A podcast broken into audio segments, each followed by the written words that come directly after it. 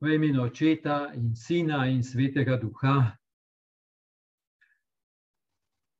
Želimo te trenutke posvetiti poslušanju Tvoje besede, Gospod, v krepenju, da nas nagovori, da nam po svoji besedi, da oblikuješ naš pogled, da oblikuješ naša gledanja in da nas tudi s tem priteguješ v odnos s teboj da te bolj v globino spoznamo in da smo tesneje s teboj povezani in da ti bolj sledimo.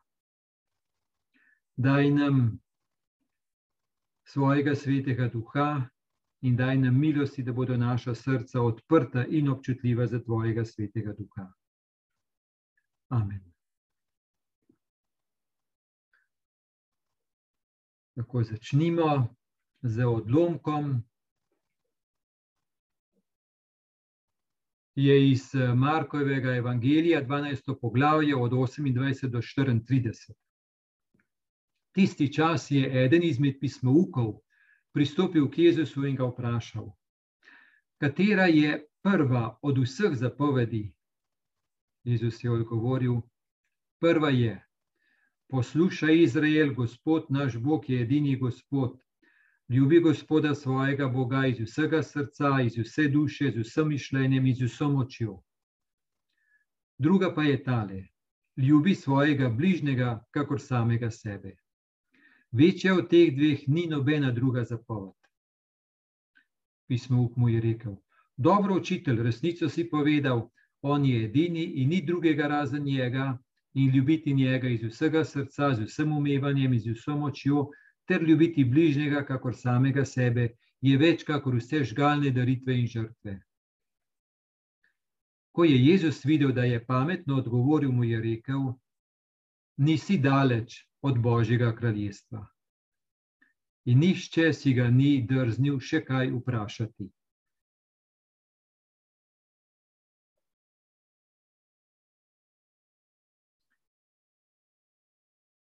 Najprej kakšno besedo, ki najdemo ta odlomek v evangelijih. Ta dogodek je po Jezusovem slovesnem vhodu v Jeruzalemu. No, če pogledamo Marko evangelij, kaj se je dogajalo po tem slovesnem vhodu. Najdemo odlomek, tisti znani, ko je Jezus očistil tempelj, tisto, ko je prevračal mize menjavcem, pa prodajalcem golobov, torej nastopil z vso silo, in je potem razumljiva tudi huda reakcija velikih duhovnikov, pismovkov in starešin, ki so ga vprašali, kako da to lahko dela, kdo mu daje oblast. No, in on jim je povedal zelo v obraz tisto priliko o vinogradu in vinogradnikih.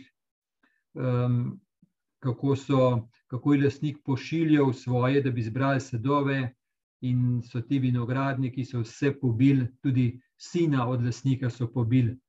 Torej, zelo močno jim je rekel. Potem so farizeji, ki so se spravili na njega, pa ga ulovili, ki bi ga lahko ujeli v past, v kakšni besedi, pa seduceji. No, tukaj imamo pa mi danes eh, ta odlomek, ki pa prikazuje enega pismovka.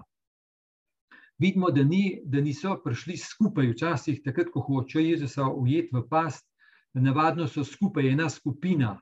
No, taj pa sam prišel, pismo uk, ampak vidimo potem, da je bilo eno lepo srečanje med njima.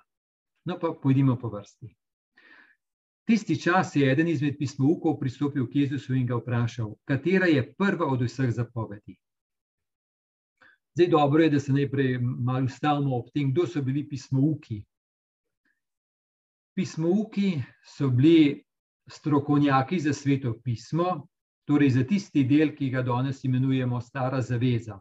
So to študirali, um, so potem uh, to um, učili ljudi. Um, nekaj podobnega kot pismo, ki so bili učitelji postave, ki jih tudi omenjajo evangeliji. No, pismo, ki v glavnem so bili iz vrst farizejev, to je ena ločina, ena smer, Naprimer, apostol Pavel je bil član farizejske stranke pred spreobrnenjem. Torej, oni so bili taki goreči eh, in so se um, močno so se usmerili v to, da bi natančno izpolnjeval izpolnjevali vse zapovedi, pa vsa pravila religiozna, ki so jih imeli. No, in teh pravil se je tekom zgodovine ogromno nabralo.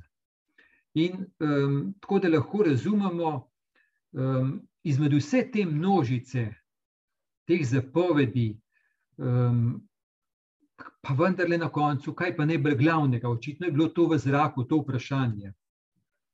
V tistem času so imeli 613 navodil. Amanda je to toliko, kolikor je jagod v granatnem jabolku. Torej 613. Od tega 248 zapovedi in 365 prepovedi. Naprimer, samo za soboto, kako jo obhajati, praznovati, je bilo 49 prepovedanih dejavnosti. In to zelo natančno, naprimer, da je nekdo smel svojega osla gnati do vode, da ga je napojil, ne pa da bi imel s seboj šibo, ker bi to pomenilo, da bo osla hoče pripraviti, da bi, da bi osu kaj delal.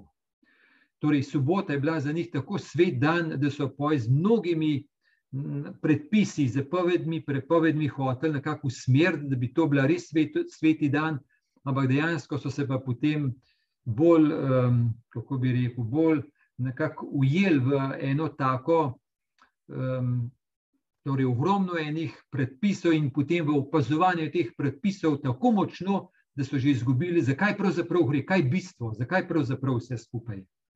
Torej so imeli z tega stališča kar kompliciran religiozni sistem, toliko se je pač razvijalo tekom časa, veliko so dali na to in se je potem toliko nabralo. Torej, to vprašanje pa je bilo očitno aktualno za pismouke, um, katera je prva zapoved v tem smislu, kaj pravzaprav je temeljno in kaj daje smisel vsem ostalim zapovedim. Oziroma, kako imajo v luči temeljne zapovedi vse ostale svoj pomen. Ne pa same v sebi, ampak da je vse usmerjeno v nekaj, izvira iz nekaj in gre v eno smer.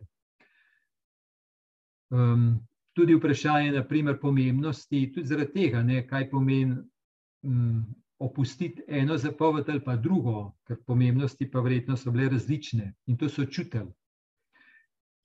Torej, veliko tega sem jaz, če mi pomislimo na katoliško crkvo, kaj vse se je nabral tekom zgodovine in kaj vse zgleda kot strašansko pomembno, tako je, ne, tako se naredi.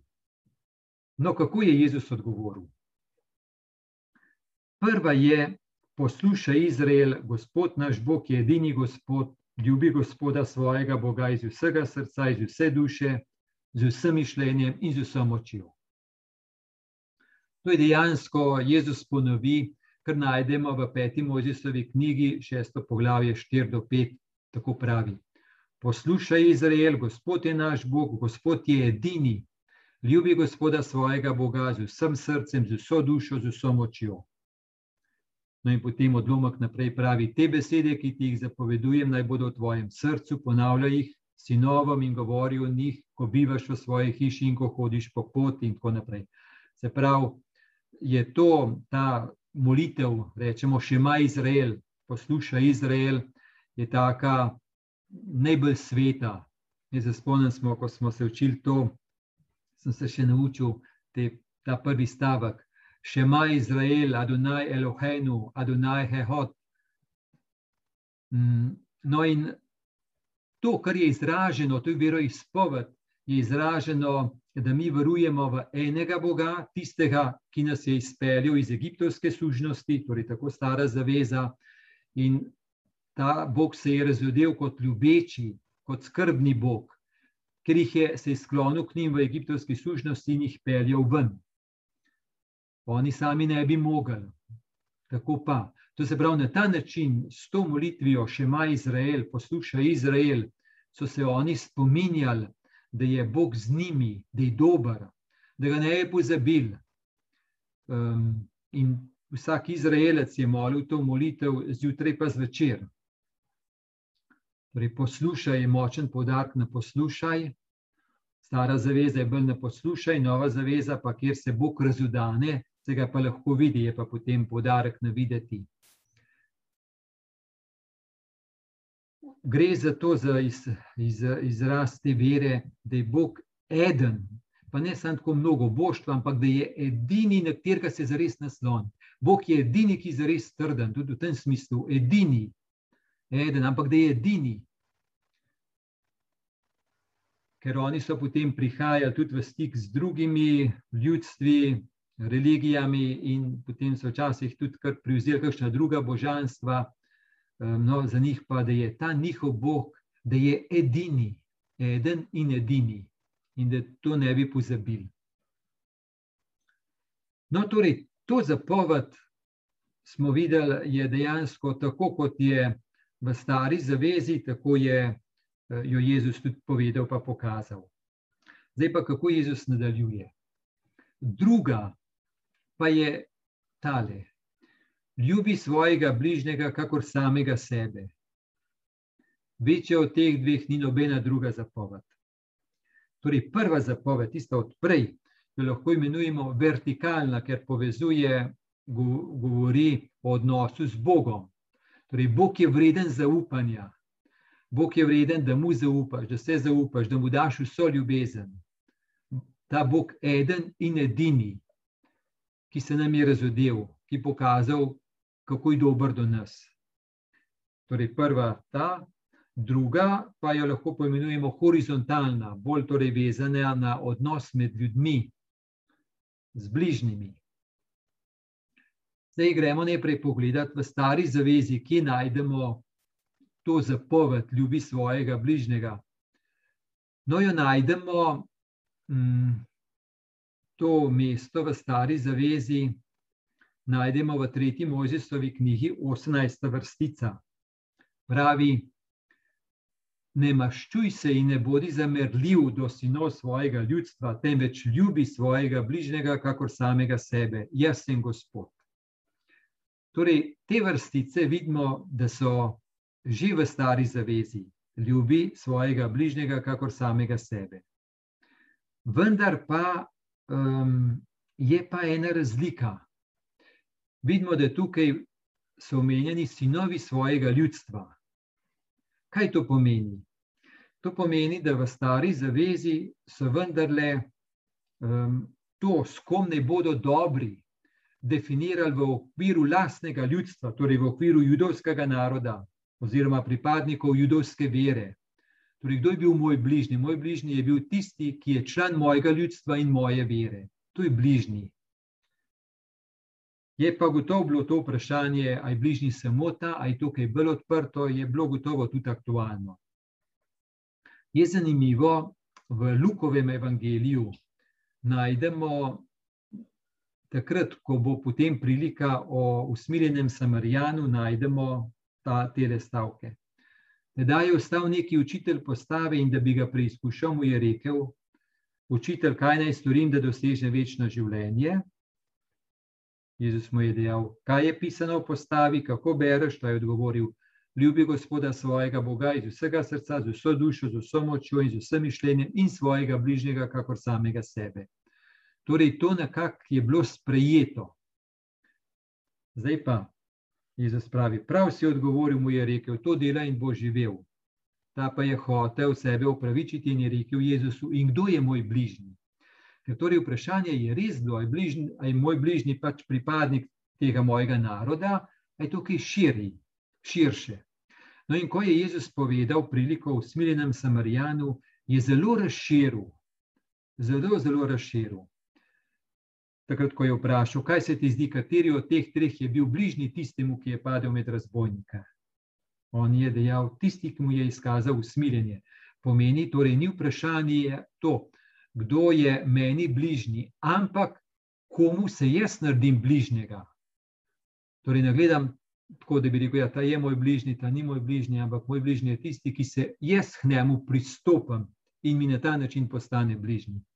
Tako da je Jezus kriterij, kdo je bližnji, postavil ne iz nekakšnega pripadnika tega pa tega naroda, ampak bolj to od tebe je, kdo ti bo bližnji.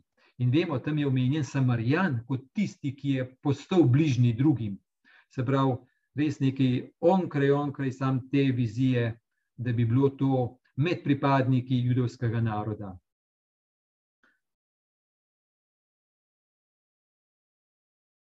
Torej, Jezus je zelo odprl in tudi, tudi potem, če gledamo um, novo zavezo, je to res močno odprto, ker Jezus razodeva očeta in vodi v očetovo hišo, kjer smo bratje in sestre med seboj in smo potem drug drugemu bližnji. In to je Božje kraljestvo, to je odrešenost, to je Kristus. In torej smo Kristusovi tisti, ki smo v to vključeni, to se pravi, ki nas Kristus doseže in v ta pogled v, očeta, v očetovo hišo. To je res močno, močno, močno odprto, daleč res onkraj tega, kot je bilo v stari zavezi to postavljeno. No, zdaj se še um, nekaj ustavimo v kakšnih drugih odlomkih iz nove zaveze, kjer um, govori o teh stvarih. Pavel, naprimer, v pismu Rimljanom 13:8-10 pravi: Ne bodite nikomur dolžniki, razen če gre za medsebojno ljubezen. Kdor namreč ljubi drugega, je izpolnil postavo. Kaj ti zapovedi? Ne prešuštvuj, ne ubijaj, ne kradi, ne poželi, pa tudi vse druge zapovedi so obsežene v besedi: ljubi svojega bližnjega, kakor samega sebe. Ljubezen bližnjemu ne prizadeva hudega, ljubezen je torej izpolnitev postave. No, tukaj res močno poudarja, kako je ljubezen bistvo, temelj vse postave, vseh zapovedi, najbolj torej bistveno, zakaj pravzaprav gre.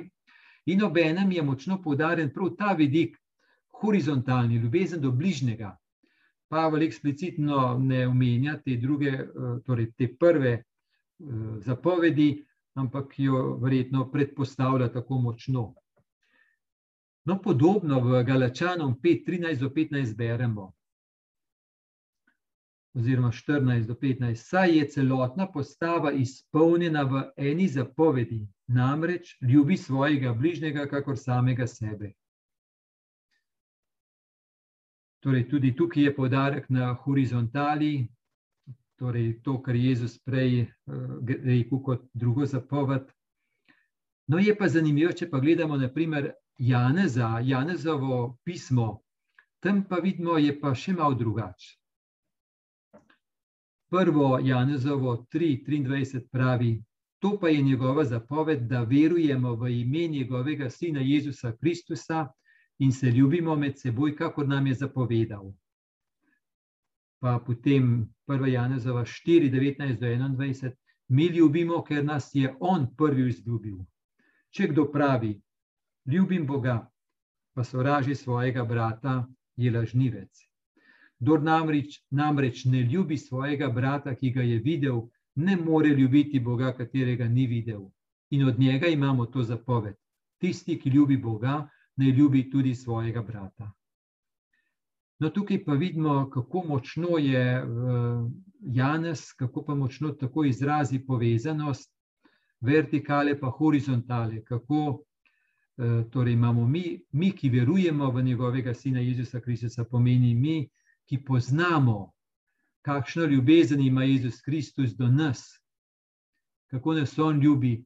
In zato nam je mogoče, da mi drug drugega ljubimo.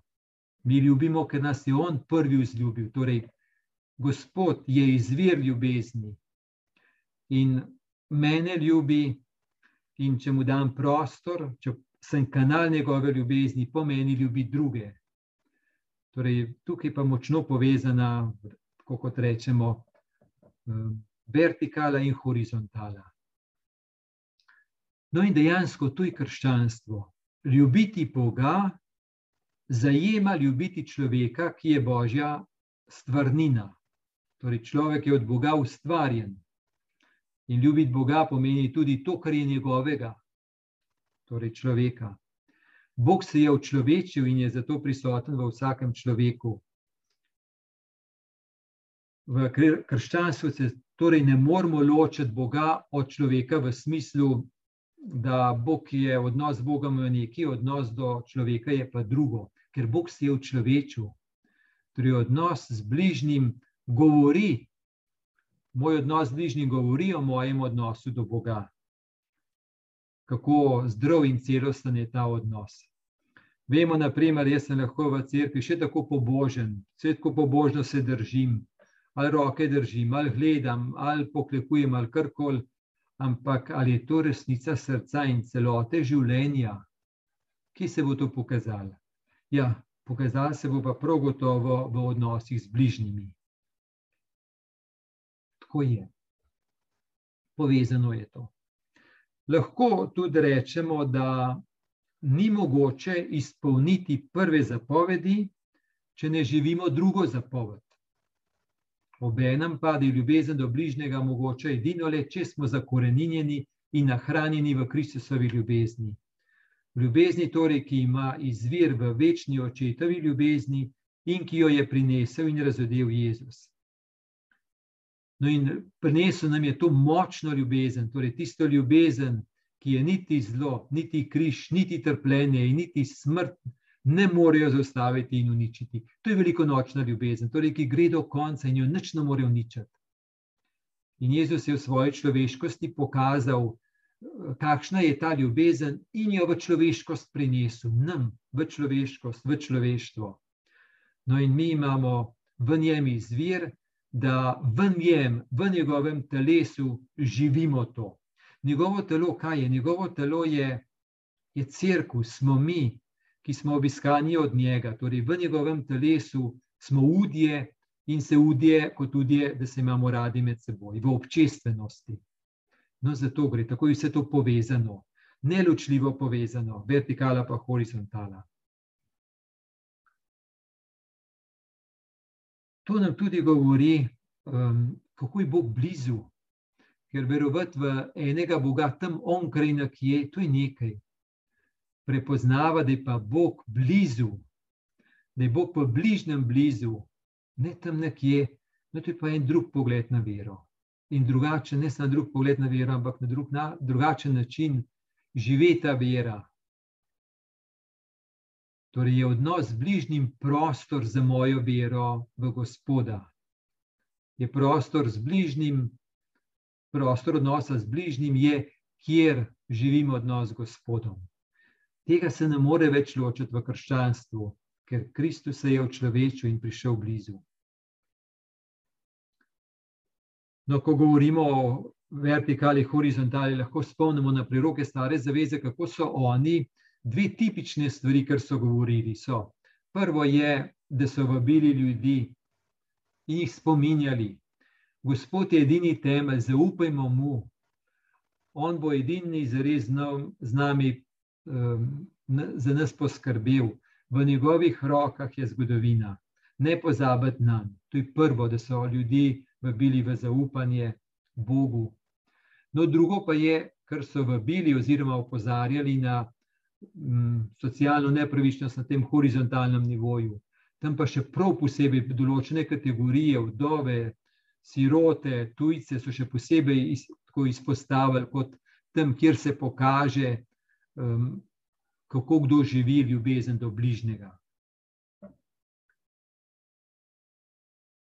Zdaj, um, nekaj, kar je še dobro, da se ustavimo, je, smo slišali, ljubi svojega bližnjega, kakor samega sebe. Kaj to pomeni? To pomeni, da je implicitno v tej zapovedi vključena ljubezen do samega sebe. In o tem se malo ustavimo, o ljubezni do samega sebe. Včasih se namreč tako malo banalizira in se reče, da v odnosu do drugega gre za ljubezen, v odnosu do samega sebe pa gre za egoizem. Ampak to je plitvo gledanje. No, bom prebral nekaj iz enega intervjuja, ko sem ga enkrat imel za prostovoljce Caritas, pa sem se spomnil na to, pa, se, pa, pa bom to prebral. Tako je bilo vprašanje. Mnogo, mnogi prostovoljci in delavci v pomagajočih poklicih smo veliko krat v dilemi. Evangelij nas usmerja, da nesebično pomagamo drugim. Sodobna teorija o pomoči ljudem pa govori o skrbi tudi zase kako v tem precepu ohraniti ustrezno mero skrbi zase in za druge, da bi ne dobili očitka, da ne skrbimo dovolj za druge in preveč zase. No, in moj odgovor je bil potem tako. Občutek krivde dobimo in občutke krivde nam bodo hoteli vzbuditi ljudje, ker ljudje potrebni pomoči marsikdaj hočejo imeti pomočnike, ki imajo vedno dovolj časa, moči, potrpežljivosti, razpoložljivosti, naklonjenosti. Mnogi so prepričani, da so karitativni delavci, prostovoljci, duhovniki, terapeuti, bolniško osebne in tako dalje, drugačni v smislu, da jim je kar dano v izobilju moči, dobrote in drugo. Resnica je, da je vsak karitativni delavec povsem normalna človeška oseba, krhka, ranljiva, omejena z vsemi potrebami kot kdorkoli drug. Še več, morda celo bolj krhka in prav zato, torej, da je taka oseba morda celo bolj krhka in prav zato pripravljena, pripravljena pomagati drugim. Ljudje bodo vedno hoteli idealne karitativne delavce, zato je potrebno računati na očitke in s tem na vzbujanje krivde. Marsikdaj je bilo in včasih je še v cerkvi rečeno, da kar storimo za drugega je ljubezen, kar pa zase pa egoizem. Ampak to je banalno razumevanje ljubezni. Imeti rad sebe je enako zahtevno ali še težje, kot ljubiti druge. Drugi ti je hvaležen za dobroto, če pa naprimer samemu sebi nekaj dobrega storim, pa je marsikdaj to bolj zastonsko in ne dobim toliko zadoščenja. Pristna Kristusova ljubezen je ena sama, do sebe, do drugih, do Boga, do življenja, do stvarstva. Vse le gre za ljubečo držo in odnos. Če posameznik ne zna čutiti svojih potreb in želja, če ne zna na zdrav način poskrbeti zase, torej če se ne zna imeti red, potem bo težko drugim učinkovito pomagal, oziroma druge imel učinkovito red. No, tako to je bilo nekaj o, tem, o tej vključenosti, tudi te ljubezni do sebe, ker je bila omenjena. No, gremo zdaj naprej po odlomku, pravi pismo, mu je, mu je rekel: Dobro, učitelj, resnico si povedal, on je edini in ni drugega razen njega. In ljubiti njega iz vsega srca, z vsem umivanjem in z vso močjo, ter ljubiti bližnjega, kakor samega sebe, je več kakor vse žgalne daritve in žrtve. To je pismo ukrepu in morda nas začudi, kako s tako suverenostjo, dostojanstvenostjo, da je to rekel o Jezusu. Ker navajeni smo, da je Jezus tisti, ki je rekel, tako pa tako so stvari. Torej, skoraj kot da bi se ta pismo postavil nad Jezusa, kot da bi on ocenjeval Jezusov odgovor, kot da bi se čutil dolžnega in poklicanega, da ovrednoti Jezusov odgovor. No, mimo grede, to omenja žgalne daritve, žrtve. To se pravi, žrtve so mišljene te golobčke, grlice, jagneta in tako naprej, za razne dogodke v življenju, pa očiščevanje.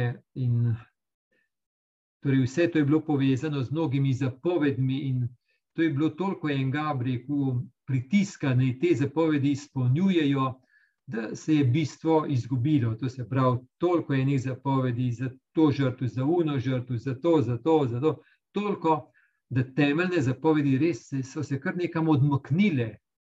Bile so jasno, ampak vendarle pa v praksi, v vsakdanju so se pa kar odmaknile nekam, um, nekam v, v ozadje. Ne?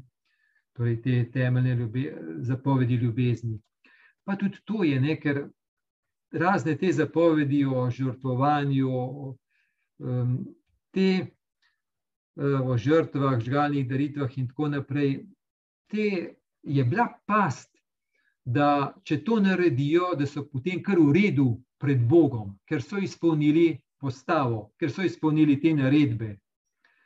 Um, in uh, to je bila pa past, ne, da te stvari je sorazmerno enostavno bilo za izpolniti. Ljubezen, do bližnjega, to je pa bilo malo drugače, to je pa bilo zelo drugače. No, in Jezus je pa rekel: Če ne živite ljubezni, nič ne pomaga. Če se držite religioznih predpisov, ampak če ob enem ne morete in vas to ne pripelje v ljubezen do bližnjega, potem pomeni, da nekaj ne gre, ker za Boga gre in Bog pa je ljubezen in njegova pot je ljubezen. To je to, kar je Jezus pokazal s svojim življenjem. Torej, Jezus je gotovo izpolnjeval tudi kakšne zapovedi. Prav gotovo se je Marija pa Jožef sta nesla Jezusa potem v tempelj, tako kot je prav napisano, ne, kot reče postava. Tudi, naprimer, enkrat, ko so Petra vprašali glede davka za tempelj, je tudi se vidi, ne, rekel, da jim plačati. Ne. Tako. Torej, Jezus ni zdaj kar vse zavrgel, ampak je pa hotel dopolniti postavo, pomeni pokazati, kaj je bistveno. To je dopolnitev postave, kaj je bistveno. In da je bistveno usmiljenje, ljubezen, sočutje tudi do grešnikov. In to vodi v očetovo hišo. Božja ljubezen pa hoče vse zajeti, tudi grešnike. Ker vsi so od očeta otroci in vsi so ljubljeni z njegovo ljubeznijo.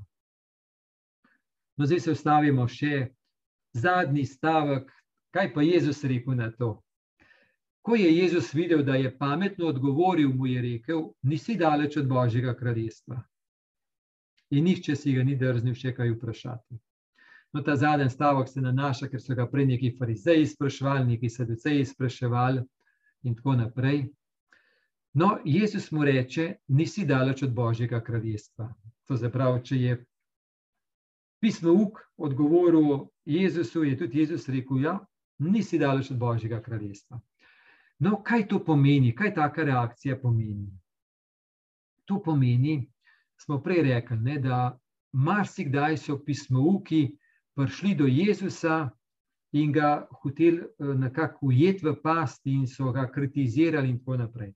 No, Jezus je pa tudi povedal nazaj, smo rekli. In je bilo kar nekaj konfrontacije. Kaj pa se je zdaj zgodilo?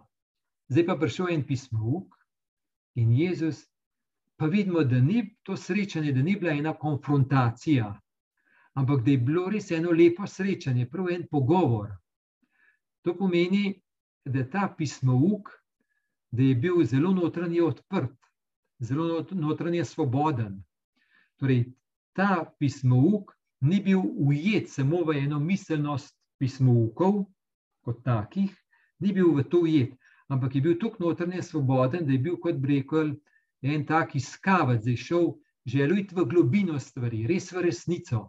Če so se pismouki ustavili, smo rekli na enem takem, marsikdaj na nivoju bolj površinskem, pozunanjenem, izpolnjevanja zapovedi in tako naprej, je pa očitno tega pismouka kar nekaj v globino gnal.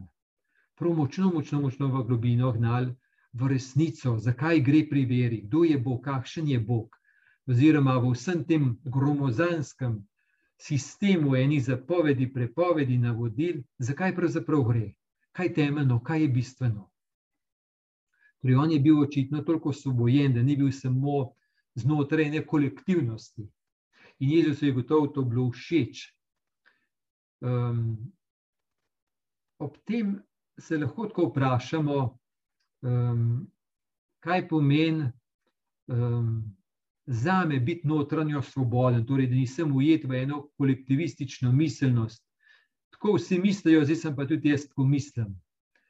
Um, ampak kaj to res pomeni, ena notranja svoboda, eno osvobojenost predsotkov, če še oni so taki, pa taki. Vidimo tukaj, ne, kako je posamezna oseba lahko drugačna in kako res ne gre za poslušati. Um, to mislim, je tudi lahko eno tako močno, močno sporočilo tega, tega odlomka. No, za zaključek, to vprašanje o največji zapovedi, torej ljubezen do Boga in do bližnjega, ko Jezus včasih reče, da je to, včasih pač v tem smislu reče, da eh, sta te dve enaki, v različnih evangelistih so malo različne formulacije, ampak skratka, poveže jih skupaj. Nam jasno reče, da nimamo, ne moramo uideti kristijani v ene religiozne sfere, da bi bili nekako Bogu všeč, da izpolnjujemo ta predpis, pa ta predpis, pa to, pa tisto, pa to pobožnost, pa to pravilo, ampak da je vse skupaj, pomeni odnos z Bogom, utemeljenost v njem, izročenost njemu, zaupanje njemu, izročenost njemu, pustiti se imeti od njega. Obenem pa, da gre to za ljubezen, za to isto ljubezen, ki jo prejemamo od Boga, ampak je prostor odnosov z bližnjimi, kjer to živimo. To je isto ljubezen. Tako je znova pa znova vprašanje, kdo je moj bližnji, torej komu se naredim bližnji, kam me nese božja ljubezen, do katerega bližnjega. No, zaključim s stavkom od svetega Janeza od Križa, ki je zapisal: Na koncu življenja bomo sojeni po ljubezni. Tako je. No, in nas spremlja na vseh poteh božji blagoslov, torej na vseh poteh, da smo ljubljeni in ljubimo, da nas spremlja božji blagoslov, blagoslov Boga Očeta in Sina in Svetega Duha. No, in naj bo eno blagoslovljeno obhajanje nedelje, ki nas čaka.